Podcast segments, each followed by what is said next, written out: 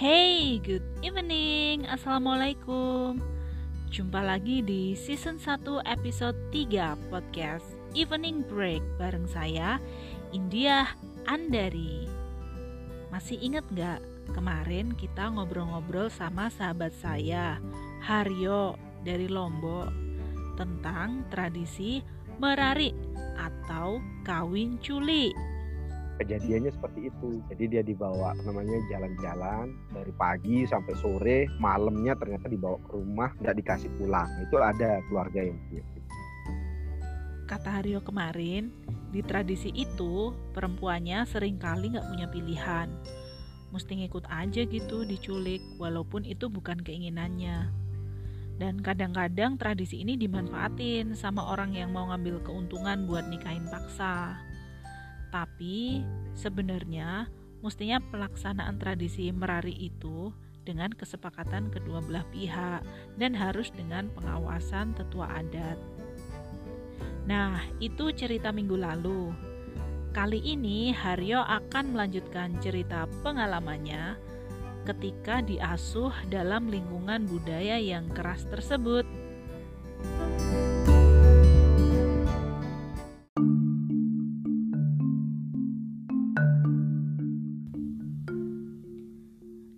Budaya yang dominan maskulin, ayah sering kali kurang berperan dalam pengasuhan-pengasuhan yang bersifat menunjukkan kasih sayang. Ayah biasanya akan berperan dalam pengasuhan maskulin yang keras, tegas, menegakkan aturan-aturan, dan jadi figur yang ditakuti sama anak. Gimana ya pengalaman Haryo dibesarkan sebagai anak laki-laki pertama? Dan juga pengalamannya sekarang sebagai seorang ayah. Simak yuk.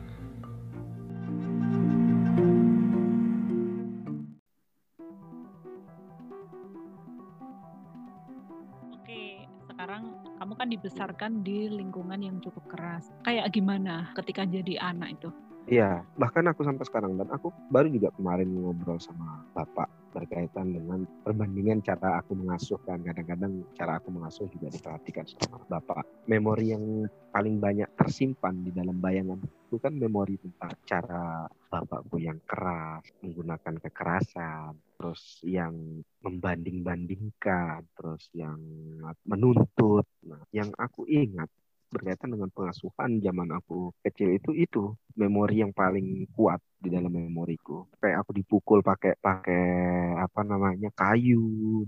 Kemarin aku juga bilang sama bapakku mukul pakai kayu terus dijewer dengan pakai kuku di daun telinga yang yang lembut ini kan. Ada daun telinga yang lembut di bawah ya kan. Mm-hmm. itu pakai kuku kemudian yang kamar mandi di banting didobrak kemudian aku yang diusir dari rumah dua kali itu hmm. banyak hal-hal semacam itu yang kemudian aku, kalau aku ingin pengen sesuatu itu aku harus ranking satu. Hal-hal semacam itu selalu sih masih masih sampai saat ini menjadi, menjadi bagian dalam diriku dan kenanganku dan tidak akan aku lupakan itu ya kalau kita melihat nilainya sih ya nilainya pasti baik ya.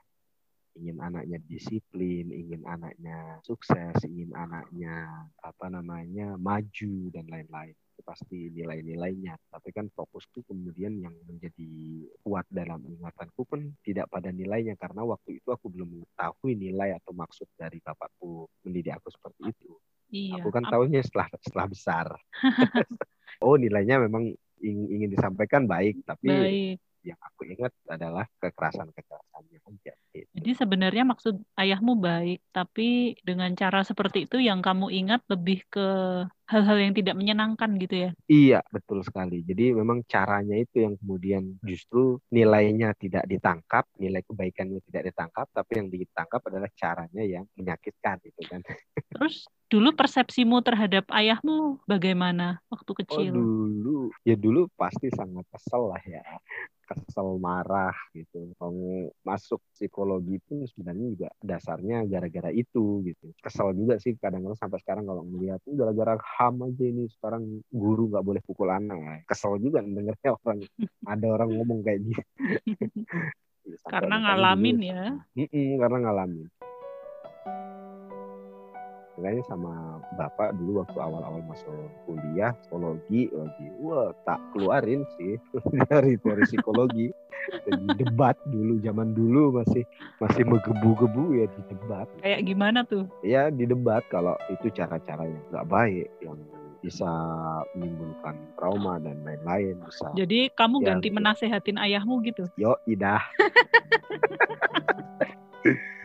Gak hanya menasehati tapi bukain buku nyoh gitu.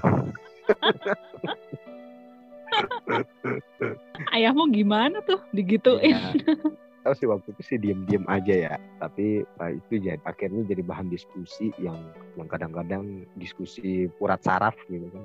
Uratnya sampai keluar gitu tapi itu prosesnya jadi jadi menyenangkan karena kemudian bapak menyampaikan banyak hal tentang apa yang kemudian dia pahami bahwa oh iya ya ternyata setiap kali saya ketemu murid saya yang udah lama yang paling awal disebutkan sama murid saya itu bapak dulu sering mukul saya bapak dulu sering mukul saya. Jadi Ah. bapak pun akhirnya berefleksi dari sana. Ternyata justru yang lebih diingat kesan yang paling diingat oleh mantan mantan siswanya itu adalah perilakunya yang selalu mukul. Kami jadi sering berefleksi kami jadi sering belajar bersama sering diskusi bersama berkaitan dengan kekerasan. Kemudian ya bapak jadi merasa bisa apa berubah udah nggak memukul lagi waktu jadi kepala sekolah misalnya ada anak yang nakal nggak jadi dia tahan untuk nggak memukul anak itu dan lain-lain itu perubahan-perubahan.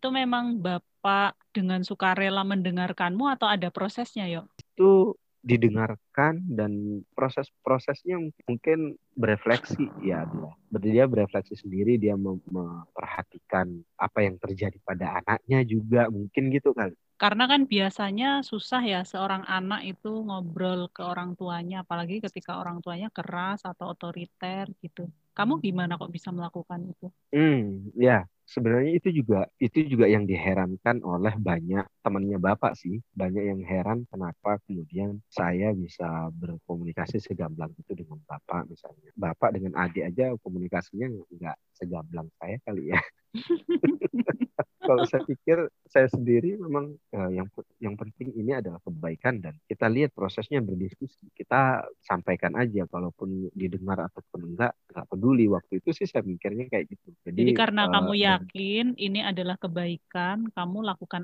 Ya. aja gitu Betul. Dan mungkin juga selain kebaikan juga ini kesakitan suara hati anak kali ya. Kalau ada film suara hati istri, suara hati anak.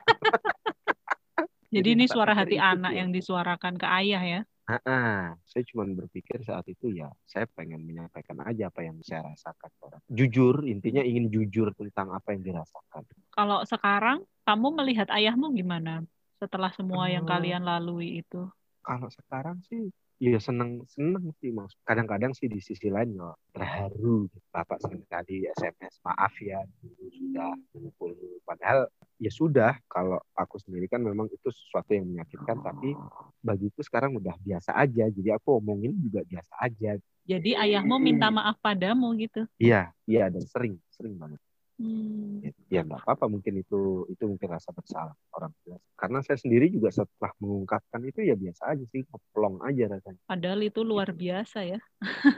Iya, iya ya. Sebenarnya itu luar biasa sih. Jadi itu bagi saya jadikan sesuatu yang memotivasi saya untuk menyampaikan bahwa ya ini ini sesuatu yang menyakitkan dan tidak bisa dianggap sepele. Kalaupun ingin mendidik anak atau menyampaikan nilainya, ya sampaikan nilainya. Tapi caranya ya perlu dipikirkan. Ada cara yang kurang tepat, ada yang cara yang perlu diperbaiki.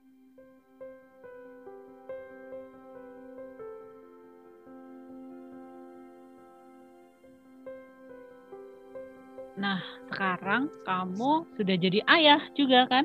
Yo, Yeay. Ceritain dong Yeay. soal si dedeknya. Iya namanya namanya eh, Rakyan Wibisono. Kalau Wibisono itu kan kebijaksanaan. Nah kalau Rakyan itu kan gelar bangsawan untuk zaman dulu banget itu kan bahasa Oh. Sanskerta. Rakyan sana itu adalah hati yang bijaksana. Luar biasa Kira-kira artinya. Sekarang setelah kamu jadi ayah, selama ini kamu mengasuh Kian akhirnya gimana setelah kamu di masa kecil mengalami pengasuhan yang seperti itu dari ayah?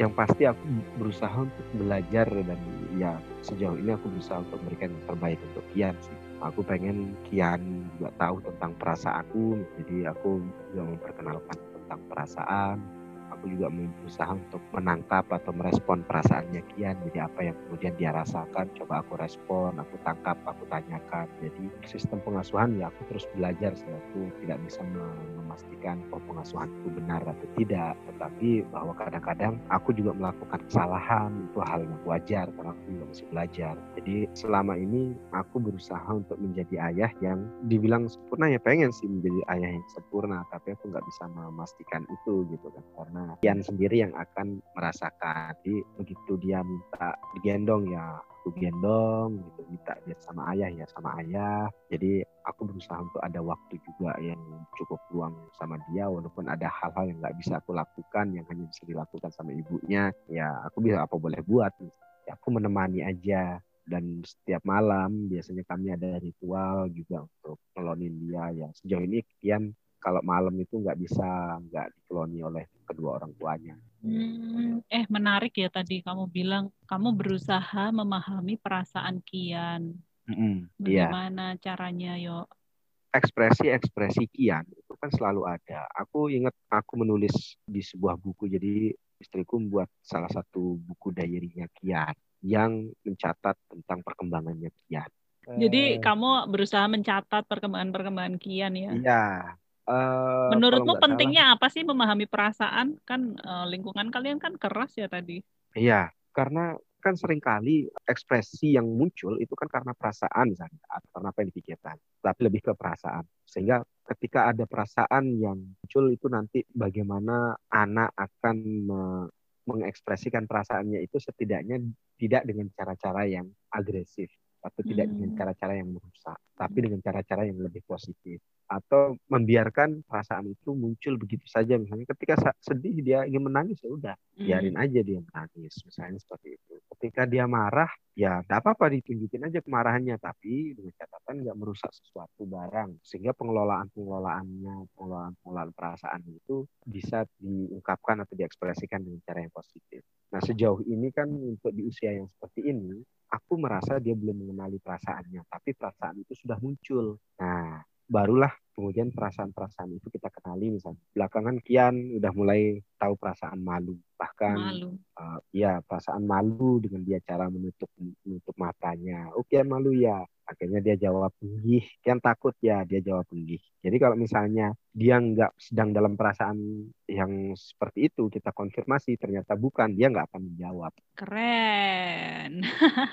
Apa makna menjadi ayah dan suami buat kamu kalau aku disuruh memaknai ini agak berat nggak nyampe pikiranku kalau ya. Ya yang pasti aku merasa bahagia aja. Bermakna sebagai manusia gitu kan. Manusia dan laki-laki gitu kan. Sebagai ayah ya aku juga berusaha untuk menjadi ayah yang manusiawi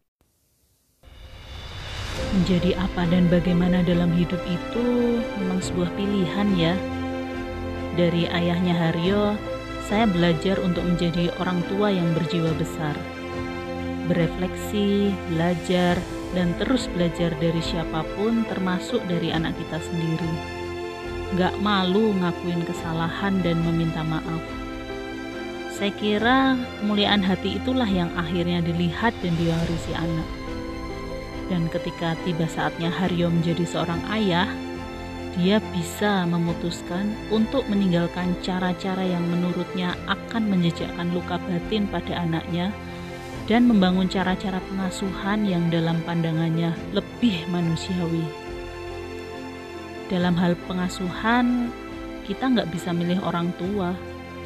Kita terlahir udah jadi anak mereka aja gitu.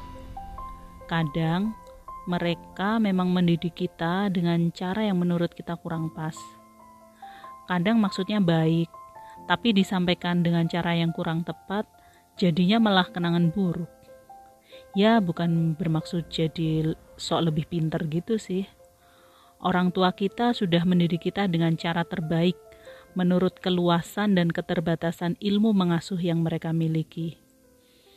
Kita, generasi yang mendapat kesempatan lebih banyak untuk belajar, tentu punya pilihan untuk menentukan menjadi orang tua yang seperti apa. Menjadi orang tua yang lebih baik dari generasi sebelumnya.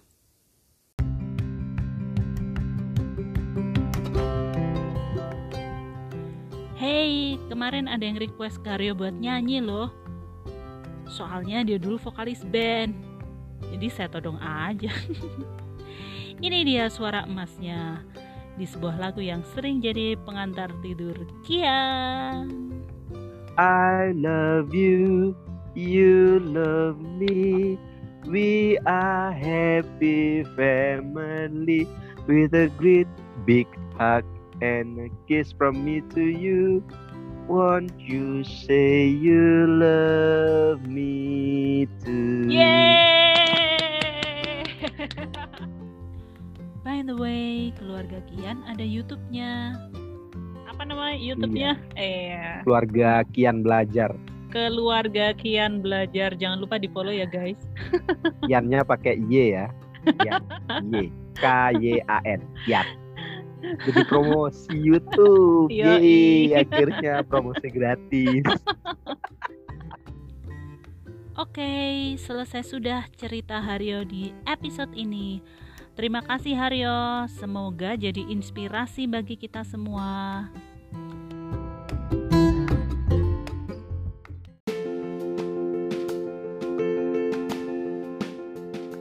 Minggu depan ada siapa ya? Halo, aku Tiwu. Halo, gue Rara. Saya Nina. Saya Fitri. Oke, kita sudah bareng klub buku. Itu tadi sahabat-sahabat saya dari komunitas klub buku alias klub makan. Minggu lalu, tepatnya tanggal 21 Maret 2021, kita kehilangan seorang tokoh pergerakan perempuan sekaligus penulis yang sangat berpengaruh dari Mesir, Nawal El Sadawi kita akan mengenang bersama kehidupan beliau dan melakukan napak tilas warisan karya-karyanya bersama sahabat-sahabat saya ini. Sampai jumpa Senin depan teman semua.